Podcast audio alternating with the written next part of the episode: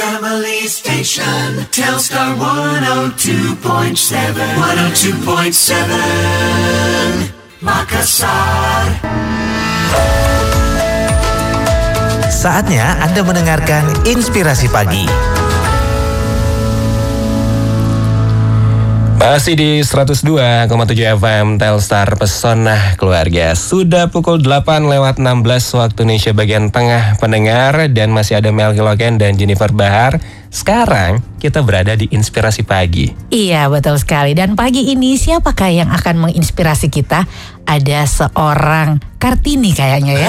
Kan masih nuansa Kartini gitu kan? Eh harusnya dia ganjar online jam segini. Oh gitu ya? Aduh gimana nih Berarti kita? kita nyuri waktunya Oh dulu boleh berada di deh studio Supaya ya. me- me- menginspirasi pendengar kita pagi Yes. ini ya. Dan pendengar pagi ini kita kedatangan Ibu Maurensia Seorang guru SMK Darussalam Dan Kita akan berbincang mengenai berbagi kebaikan melalui YouTube Siapa sih yang nggak akrab dan nggak kenal sama dengan yang namanya YouTube Wih, ibu guru gaul kalau gitu ya. Oke, kita Mama sapa. sekarang juga udah akrab sama YouTube Karena ketika anaknya nangis Nah nonton mau YouTube Oh gitu kan? Gitu saya, kan? saya tidak jika Oh, mama ini. Iya deh supaya buat kontras saja. Oke kita sapa ya pendengar. Halo, selamat pagi ibu. Pagi. Iya tuh suaranya kan. Gimana perjalanannya dari negeri Sudiang ya? Negara api. Iya lancar. Lancar. Iya. Ya agak sulitan dapat Telstar Bu ya. Alhamdulillah tidak. Oke, deh, baik. Sekali lagi terima kasih Ibu Mauren selaku guru SMK Darussalam sudah menyempatkan waktunya di sela-sela kesibukan mengajar online-nya. iya, Ibu Mauren akrabnya biasa dipanggil apa nih? Eh, Teman-teman biasa panggil Mauren. Sebagian juga senang memanggil Permata Hati. Ah itu cukup unik. Saya panggilnya itu aja. Sip, kita Ah, ah, skip dulu ya. ya permata hatinya ya. Nanti kita Nanti, tanya kenapa iya. sampai dipanggilnya permata hati. Nah gitu. itu dia. Nah, kalau boleh tahu nih Bu Moren, kenapa sih uh, memilih YouTube dan sejak kapan nih Bu Moren akrab sama yang namanya YouTube, Bu? Kenapa memilih YouTube? Hmm, kalau ditanya kenapa memilih YouTube karena eh, menurut saya dan hasil pengamatan saya pada anak-anak karena memang YouTube ini sangat familiar. Hmm. Seperti tadi eh, bahkan anak kecil pun eh, familiar dengan YouTube. Hanya saya hanya ingin mengubah mindsetnya bagaimana sebenarnya memanfaatkan YouTube dengan baik Yes. Iya. pembelajaran. Memanfaatkan YouTube dengan baik berarti selama ini nggak dimanfaatkan secara baik dong, Bu? Eh, tidak juga sih, Nah. hanya kan kadang-kadang ada konten yang mungkin belum Yes. waktunya untuk dilihat. Eh, kadang anak-anak lupa waktu, lebih tertarik ke YouTube ketimbang ke gurunya, mata pelajarannya. Nah itu yang jadi tantangan buat saya. Nah, kalau boleh tahu kebaikan apa saja nih yang sudah dibagikan melalui aplikasi YouTube itu, Bu? Iya sharing waktu di awal pandemi. kalau sebelum pandemi, eh, saya memang suka ngupload video kegiatan kegiatan sekolah. Mm-mm. paling tidak ini bisa menginspirasi buat orang lain, buat anak-anak juga. Terus bisa jadi buat juga dokumentasi sejarah buat saya. Nah, Eh, Tapi setelah pandemi, saya merasa bahwa saya harus keluar dari zona nyaman saya dan zona nyaman anak-anak. Mm-mm. Jadi sejak itu saya mulai belajar YouTube dan dikenalkan oleh tim dari sekolahmu karena saya tergabung di komunitas guru belajar Nusantara. Komunitas Belajar Nusantara. Komunitas Guru Belajar Nusantara. Komunitas guru mengajar Nusantara. Baik, nanti kita akan bahas juga mengenai itu, Ibu. Iya. Tapi yang paling menariknya adalah Ibu ini sebenarnya guru mata pelajaran apa sih di SMK Darussalam, Bu? coba Kalau saya tebak, tahu? coba saya tebak. Multimedia. Guru bahasa Indonesia karena ibunya ini bahasanya enak banget kalau ngomongan. Iya, Bu. Bukan ya, Bu? Bukan. Oh, bukan. kan Heeh. Apa sih guru mata pelajaran yang diajar di SMK Darussalam, Bu? sejarah. Sejarah. Uh, Aduh, saya Jauh masih ya? ingat ya kalau sejarah maaf maaf bu ya. Iya. Saya suka pergi ke kamar mandi minta izin buat cuci muka. Ngantuk ya? Lumayan. Nah, kemudian yang di-share di YouTube itu apakah semua berkaitan dengan mata pelajaran sejarah atau seperti apa isi dari konten YouTube yang Iya. Ibu ciptakan? Iya, kalau konten YouTube saya sih sebenarnya lebih ke inspirasi secara umum. Hmm. Jadi di awal pandemi itu untuk memanfaatkan untuk eh, belajar anak-anak itu saya tidak membawa konten sejarah sebenarnya. Walaupun yang saya lakukan itu adalah bagian dari sejarah. Iya. Eh, Waktu itu saya hanya me- ingin mendengarkan dulu pertama apa sih yang anak-anak rasakan. Hmm. Terus dari situ eh, saya juga mengundang teman-teman guru, eh, termasuk juga mengundang orang tua, bagaimana mereka mensiasati dan bagaimana mereka berdaya di masa pandemi waktu itu. Karena kan eh, waktu itu semua orang kaget ya, Benar. tiba-tiba Mm-mm. harus tinggal di rumah, penyakit ini ternyata justru menakutkan sepertinya. Iya. Jadi eh, pendidikan juga harus tetap jalan, anak-anak sudah mulai bosan, orang tua juga sudah mulai uring-uringan. Belum lagi beberapa orang tua yang mungkin kena dampak PHK. Hmm. Nah ini, kalau pikiran saya waktu itu, eh, karena saya sering melihat anak-anak ketika sebelum pandemi, ketika masih luring, suka nonton YouTube. Jadi saya kepikiran, kalau di YouTube saya simpan, misalnya nanti tidak punya handphone atau tidak punya kuota, mereka bisa tinggal saya share linknya atau minta link di teman-temannya, dia bisa nonton ulang, gitu Iya. Jadi tidak ketinggalan Bu ya. tidak ketinggalan. Jadi untuk belajar ketika mengajak mereka untuk eh, tampil, eh, saya privat karena saya Hmm, tahu mereka iya, belum iya. siap.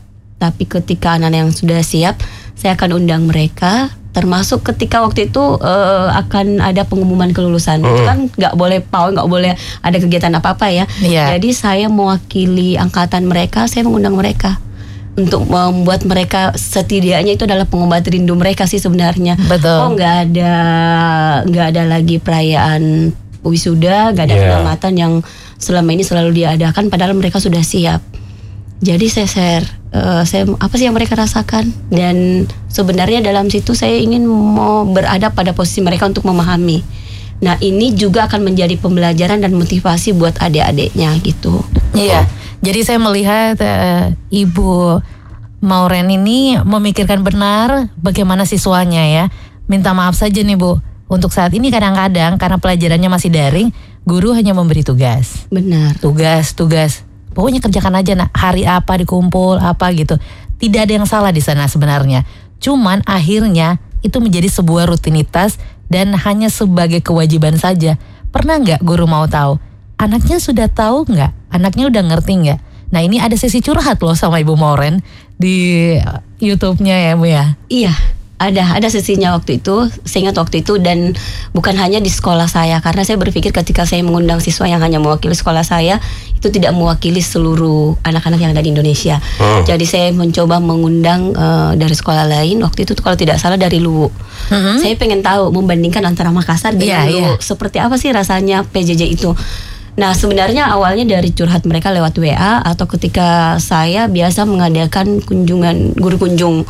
Jadi ketika anak-anak tidak pernah muncul dalam kelas atau mungkin jarang mengerjakan eh, tugas atau jarang berinteraksi, saya akan mengunjungi dengan membuat janji terlebih dahulu dan orang tua bahwa saya akan datang.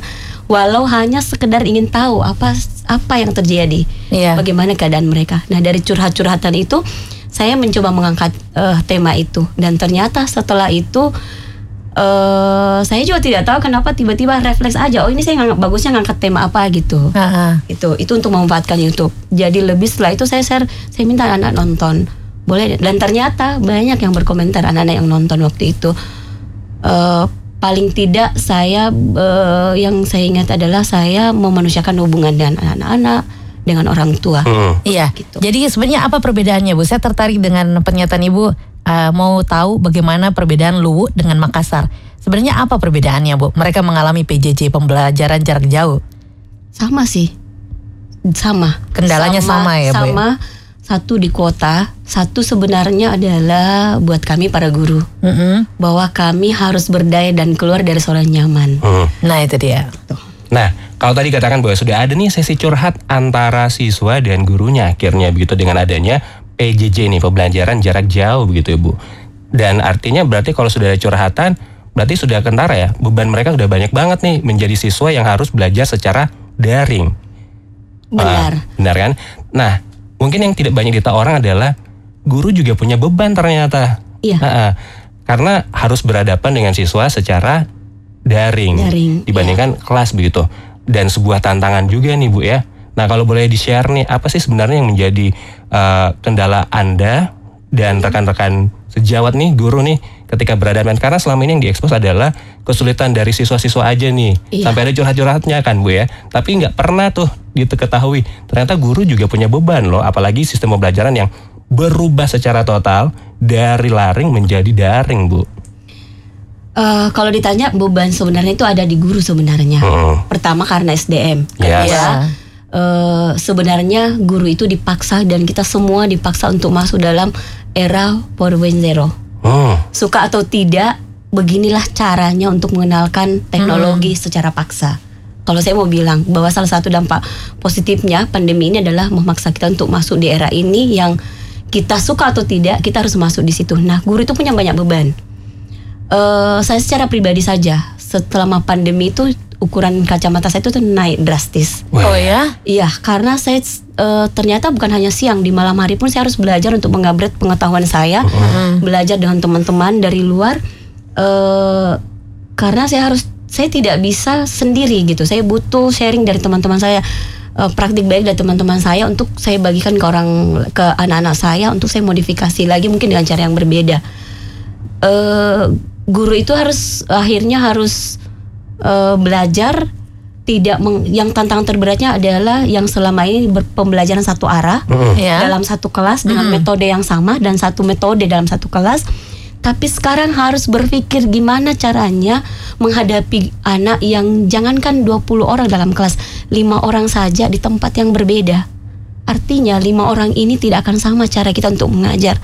Nah ini tentu tantangan ini sangat berat tidak mudah bagi kami untuk bisa keluar. Mungkin di awal kami agak tertatih. Iya. sangat tertatih waktu itu. Harus menyelesaikan tugas eh, beban-beban yang beban tanggung jawab lain dari sekolah. Eh, lepas oke kita lepaskan administrasi. Tapi ada kewajiban lain. Kita tidak menggunakan buku walaupun anak-anak punya buku kan kita harus menjelaskan dulu waktunya juga terbatas. Iya. sementara eh, komunikasi kita terbatas. Saya sangat sedih ketika ada anak yang kemudian satu handphone digunakan untuk tujuh orang, tujuh orang bersaudara. Apa ya? Saya berada di situ, saya bisa membayangkan mereka juga ingin belajar, Iya. tapi harus bergantian. Sebagai kakak harus mengalah Mm-mm. Harus mengalah untuk adik-adiknya. Adik-adiknya di SD yang harus dituntun. Jadi ya saya berpikir YouTube ini mungkin bisa menjadi solusi. Saya tinggal mengirimkan linknya. Jadi dia bisa belajar mungkin di malam hari atau mungkin Iya. waktu kosong. Jadi kenyataan ini benar-benar cukup mengharukan ya. Dalam satu handphone bisa di istilahnya diborongi tujuh orang anak. Hmm, karena kalau kita lihat kan sistem online ini juga harus ada sistem absensi begitu ya. Benar. Ah, jadi memperlihatkan mana nih siswa-siswa yang hadir di kelas online Iya. ya dengan harus memperlihatkan. Nah, dengan metode YouTube yang Ibu Moren hadirkan ini kapan pun juga bisa ditonton sama siswanya Iya. tanpa ketinggalan mata pelajaran. Terkait mengenai absen pun juga mungkin nanti sisa di report aja Bu ya. Kalau untuk absen kami selalu ya karena prinsipnya kan memanusiakan hubungan ya. Mm-mm. Iya. Kalau untuk sekarang yang kita utamakan adalah 5M. Kita membangun memanusiakan hubungan itu yang pertama. Mm-mm. Kita ketika kita mengajar memahami konsep, membangun keberlanjutan, memilih tantangan, uh, memberdayakan konteks. Poin-poin ini yang sangat penting adalah kita memahami profil murid. Ketika kondisi seperti tadi, kita tidak mewajibkan mereka harus absen jam sekian Mm. ada kondisi. Nah, inilah gunanya memanusiakan hubungan itu adalah membangun komunikasi dengan orang tua murid. Saat kapan handphone tersebut digunakan? Iya. Kita harus memetakan si A ini punya handphone pribadi untuk belajar, punya fasilitas apa ketika belajar. Ketika orang tuanya bekerja, ada anak yang orang tuanya bekerja nanti setelah pulang kerja. Jadi kita harus waktu tahu waktu tertentu. Jadi di beberapa anak itu tidak akan sama jam absennya. Yes, jadi inilah oh, kalau mungkin selama ini yang diketahui banyak orang, aduh anak-anak saya banyak tugasnya dari gurunya harus jam sekian standby, tapi ternyata di balik itu lebih beban gurunya. Karena itu dia menyiapkan materi, kemudian juga bagaimana juga eh, si guru mempersiapkan juga materi-materi selanjutnya, kemudian juga berhadapan dengan beberapa orang begitu.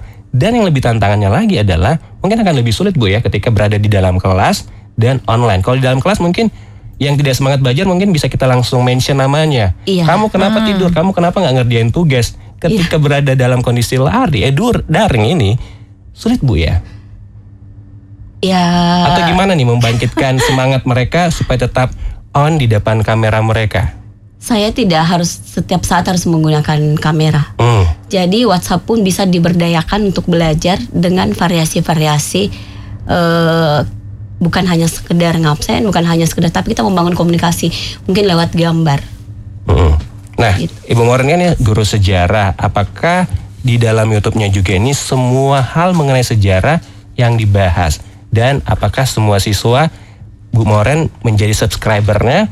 Atau Nah, ada juga nih dia. siswa-siswa lain dari sekolah lain yang Iya, ternyata iya, iya. tertarik sama YouTube-nya? Ah. Tapi nanti kita akan bahas ya. Oke, setelah yang mau lewat satu ini ya.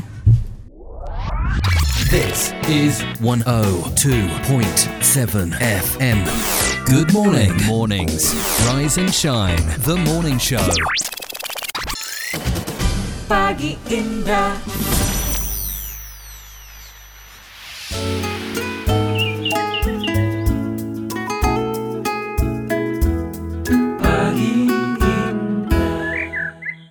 102,7 FM Telstar Pesona Keluarga. Kita lanjut nih perbincangan kita. Kalau tadi Ibu Mauren ini sudah bercerita berkisah bahwa ada kasus seperti itu satu handphone anaknya tujuh ini benar-benar tidak bisa lagi dielakkan PJJ menimbulkan banyak konflik dan kendala bu ya Baik, tapi tadi sempat terpotong nih. Isi konten di YouTube-nya mata pelajarannya apa aja, Bu? Apakah semua berkaitan mengenai sejarah? Eh, lebih ke umum sih sebenarnya karena eh, kalau misalnya untuk eh, apa ya untuk eh, pelajaran secara langsung saya biasanya menggunakan via Zoom atau Google Meet. Hmm. Jadi saya menggunakan misalnya materi konten sejarah itu saya gunakan ke digital board game yang saya buat dari PPT. Yes, berarti ini semua secara umum berarti begitu ya? Iya, karena sebenarnya eh, pemanfaatan YouTube itu adalah eh, me- ingin memahami mereka sebenarnya. Jadi ketika mereka jenuh belajar, saya tidak akan memberikan materi sejarah. Saya akan memberikan materi-materi umum yang sifatnya lebih menguatkan mereka. Iya. Karena saya tahu permasalahan belajar bukan hanya di keluarga yang kurang mampu, tapi ternyata untuk eh, anak-anak yang orang tuanya sibuk dan pekerjaan iya itu juga butuh uh, butuh rehat sejenak, butuh juga curhatan mereka, butuh juga refreshing dalam modul- model belajar.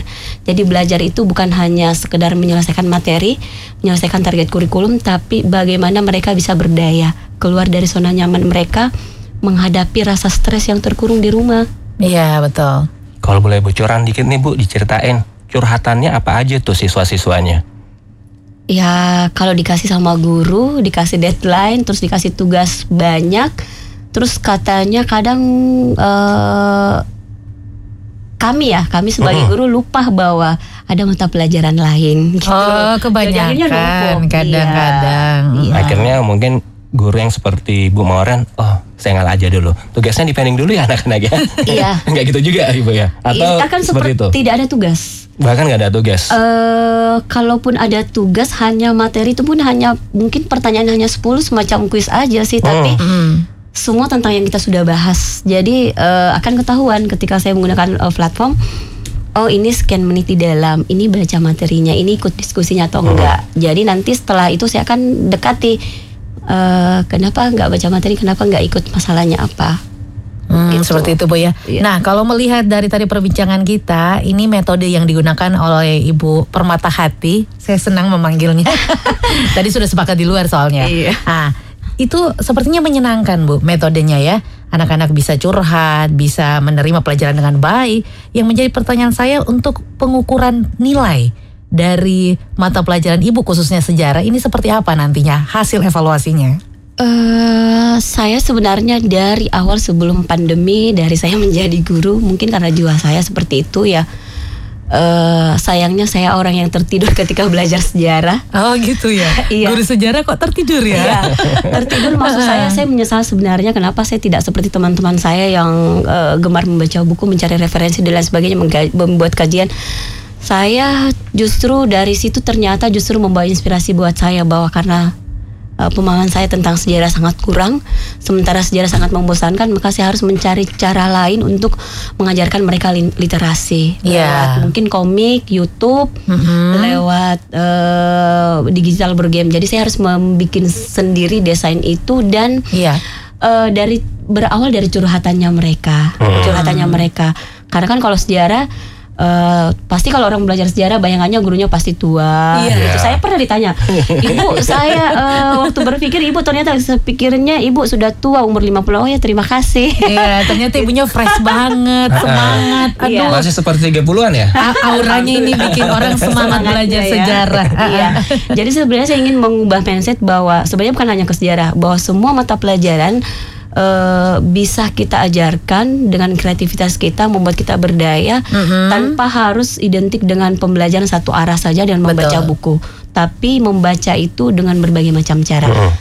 YouTube ketika orang masuk di YouTube ketika Nana harus presentasi atau diajak untuk cerita ringan saja kemarin itu mereka harus bertanya Bu bahasanya tentang apa jadi pasti mereka akan mencari literasi dulu Iya. gitu jadi pembelajarannya di situ adalah bagaimana kalau ditanya apakah pembelajaran sejarah tidak mesti buat saya itu adalah bagian sejarah menurut saya jadi saya akan mengambil nilai dari situ ketika mampu mereka merespon walaupun sekecil apa pun itu itu adalah nilai buat saya Oke. iya Akhirnya mereka nyiapin diri sendiri sebelum mulai pelajaran, Bu ya. Benar, tanpa harus dipaksa. Heeh, karena selama Wow. ini mungkin siswa-siswa nunggu nih dikasih materi sama gurunya Iya. tanpa mencari referensi terlebih dahulu yang akhirnya nanti diskusikan sama gurunya. Iya. Itu kan mungkin yang dulu-dulu. Iya. Tapi sekarang dengan hadirnya metode yang dihadirkan justru memacu siswanya Aduh saya harus lebih prepare nih dari awal baru Iya. nanti diskusi sama Ibu Moren begitu. benar iya Kalau boleh tahu nih Bu, sekarang jumlah subscribernya di YouTube berapa nih Bu? Asik. Saya tidak pernah memeriksa ini Ah. siapa saja yang pastinya pasti ada murid saya karena mereka akan belajar. Iya. Eh, terakhir itu yang saya tahu subscriber waktu itu kan saya WA WA nih ya sama karena kebetulan ada program Warda Inspiring Teacher. Ini Budi. Aha. Ada juga subscriber saya termasuk teman-teman saya yang mungkin pernah saya eh, ajak untuk ya ayo bisa di share paling tidak ketika saya mengajak teman-teman ini ada YouTube saya untuk di share eh, bisa menjadi inspirasi buat teman-teman. Jadi saya tidak tahu sebe kalau tidak saya ya 600 600 subscriber ternyata. Iya, 650. Iya. Iya. Tapi Ibu Moren ini bukan salah satu guru kan kan pernah ada juga tuh kejadian yang viral tuh memanfaatkan siswanya kalau nggak ikut kelas nggak kerja tugas subscribe Ah iya ini Bu. saya kalau ibu ada seperti itu juga nggak Siswa saya lebih seribu. Yang subscriber itu 650 dan saya tahu itu sebagian besar adalah teman saya. Sebagian adalah eh, siswa saya, itu harus saya akui. Ketika akan mereka mereka akan belajar, saya kirim eh, linknya. Saya setelah saya dijadwalkan, tapi tidak pernah wajib subscribe. Saya, iya, Heeh. benar saya mengatakan dan boleh ditanya.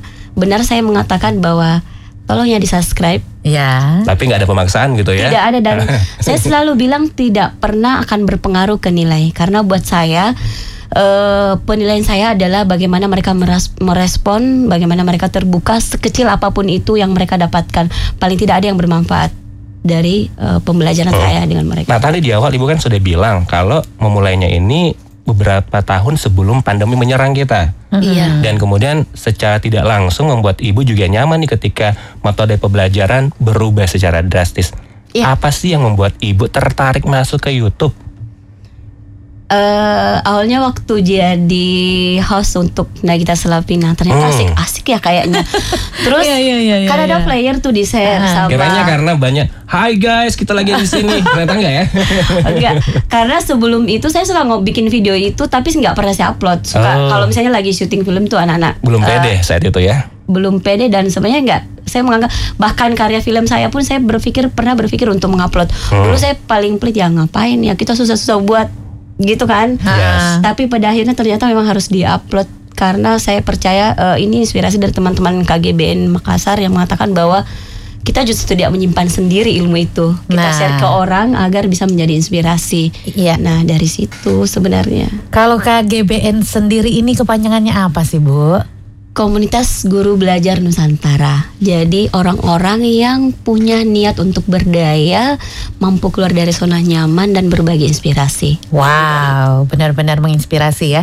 Apa saja yang bisa eh, Ibu sharingkan sedikit lah mengenai KGBN di pagi ini?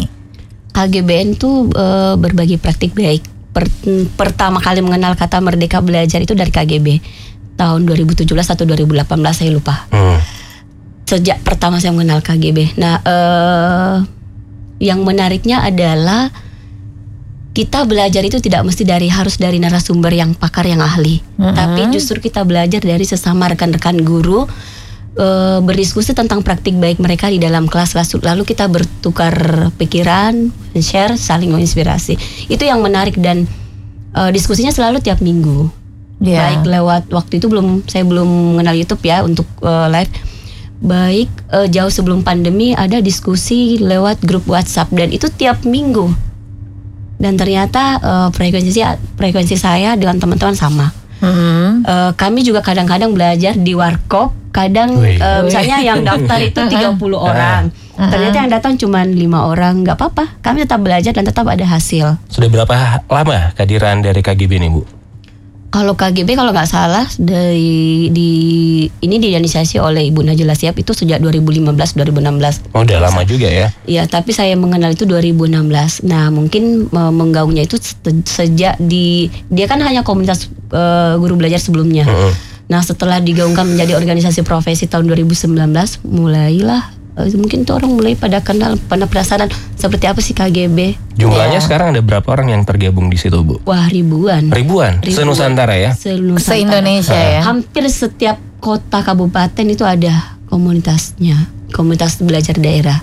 Jadi ini adalah wadah untuk mengupgrade juga dari se- eh, Ya. sesama rekan guru ya Bu ya. Mengenali YouTube, memanfaatkan YouTube justru dari KGB. Oh, seperti balik lagi itu. tuh ke YouTube. Hmm. Kenapa nama YouTube-nya, nama channelnya Permata Hati, Bu? Biasanya kan orang pengen self branding nih. Iya dong. Membuat nama kalau bisa nama pribadi deh. Eh, Tapi iya. ini bukan nama pribadi Bu Mauren, justru Permata Hati. Kenapa, Bu? Karena niat saya bukan untuk mengenalkan diri saya sebenarnya. Hmm.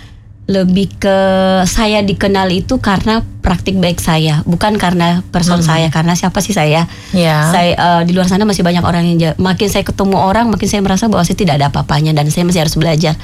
Nah, eh, karena akun sosial media saya pernah di hacker, pakai nama saya sejak itu saya tidak ingin menggunakan nama saya. Eh, udah berganti ber- beberapa kali nama akun nama-nama dunia maya ya. Iya ya. Tapi ternyata anak-anak suka panggil saya Permata Hati. Nah, saya berpikir kenapa sih? Kenapa memilih Permata Hati? Supaya gampang diingat, gampang disimpan di hati, gampang disebut.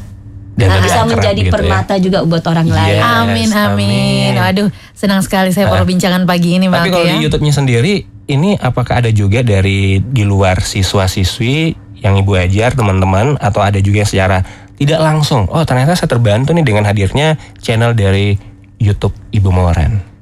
Iya, karena biasanya kalau saya eh, ada beberapa misalnya kalau di saya buka email, Heeh. biasa kan ada pemberitahuan notifikasi bahwa ada yang subscribe. Saya tidak kenal orangnya, bisa saja. Yang saya pelajari adalah ketika kita ingin kemudian berbagi ke orang dan gampang ditemukan untuk judul-judul konten itu adalah menggunakan kata kunci. Kata kunci itu dari judul yang kita gunakan. Jadi eh, untuk pemanfaatan di awal-awal itu kalau bisa dilihat itu eh, semuanya berbau pandemi karena memang eh, yang saya pikirkan yang anak-anak sampaikan itu yang saya gunakan jadi kata kunci. Sehingga kemudian mungkin beberapa eh, orang yang kemudian menemukan untuk viewersnya Iya. itu. Saya tidak tidak pernah sih memang me- ini subscriber saya berapa? Siapa Iya, yang subscriber? iya. yang pasti awalnya saya berpikir itu untuk siswa saya. Tapi karena KGB mengatakan bahwa kita perlu membagi ke orang lain inspirasinya kita perlu share ke orang lain maka itu menjadi sesuatu yang harus saya pikirkan juga Berarti subscriber kemudian juga monetize itu adalah nilai plusnya Iya, yang ibu dapatkan gitu bonusnya ya ya. bonusnya Iya. gitu ya ketika ibu sudah memberikan sesuatu yang jelas bukan tujuan utamanya adalah bagaimana dapat dikenal banyak orang kemudian dapat Iya. subscriber tapi bagaimana bisa men-share apa yang ibu miliki Benar. Kalau saya mau bis sudah bisa dimonetisasi dengan jumlah siswa waktu itu seribu lebih Mungkin bisa saja. dulu ya. Bahkan alumni pun yang saya sangat dekat sudah lebih seribu subscriber saya tapi Harusnya. tidak. Iya, Heeh. tapi Iya. ya kenapa saya daftar monetisasi karena memang ada notifikasi masuk. Saya iseng aja sih Oh. Iya iya iya iya Bu. Tapi saya ya tidak masalah alhamdulillah, tapi kalau misalnya untuk itu bukan tujuan utama saya memang. Baik. Ya, karena kita dibatasi oleh waktu, Ibu Mauren, Ibu Permata Hati, Ah, terima kasih atas kehadirannya yang menginspirasi pendengar kita semuanya di pagi ini ya. Tapi sebelumnya mungkin ada message nih yang ibu Oh iya, boleh. pengen sampaikan ke para orang tua, ke para siswa-siswi, atau mungkin kali ini ada siswa-siswa yang dengar bu. Ya, kalau untuk siswa saya bahwa belajar itu tidak diukur dari nilai, tapi sebagaimana kita berdaya untuk bisa keluar dari keadaan ini karena kita tidak sedang berperang melawan penjajah, tapi kita sedang berpede- pera- eh, berjuang untuk bisa eh, bisa bertahan hidup dengan kondisi yang seperti ini. Jadi tetap semangat untuk belajar meskipun mungkin kombinasi belajarnya mungkin tidak bisa secara luring full ya. Eh, kalau untuk orang tua eh, bukan menjadi guru di di rumah untuk anak-anaknya tapi mendampingi bangun komunikasi dengan gurunya terhadap permasalahan belajar. Kalau untuk guru mari kita sama-sama berdaya keluar dari zona nyaman. Kita sharing share, saling belajar, sama-sama berbagi inspirasi untuk membuat anak-anak berdaya. Baik, ada Ibu Maurensyah selaku guru SMK Darussalam sudah berbagi kebaikan melalui YouTube dan berbagi di inspirasi pagi ini juga. Iya, selamat melanjutkan untuk berbagi kebaikannya, Bu. Kalau Terima bukan di kasih. YouTube, mungkin eh, bukan hanya di YouTube, mungkin nanti ada platform lain ya yang Yes. lebih dikembangkan lagi. Dan semangat. Terima kasih. Terima kasih Anda telah mendengarkan Inspirasi Pagi di Pagi Indah Radio Telstar. Untuk hari yang penuh semangat.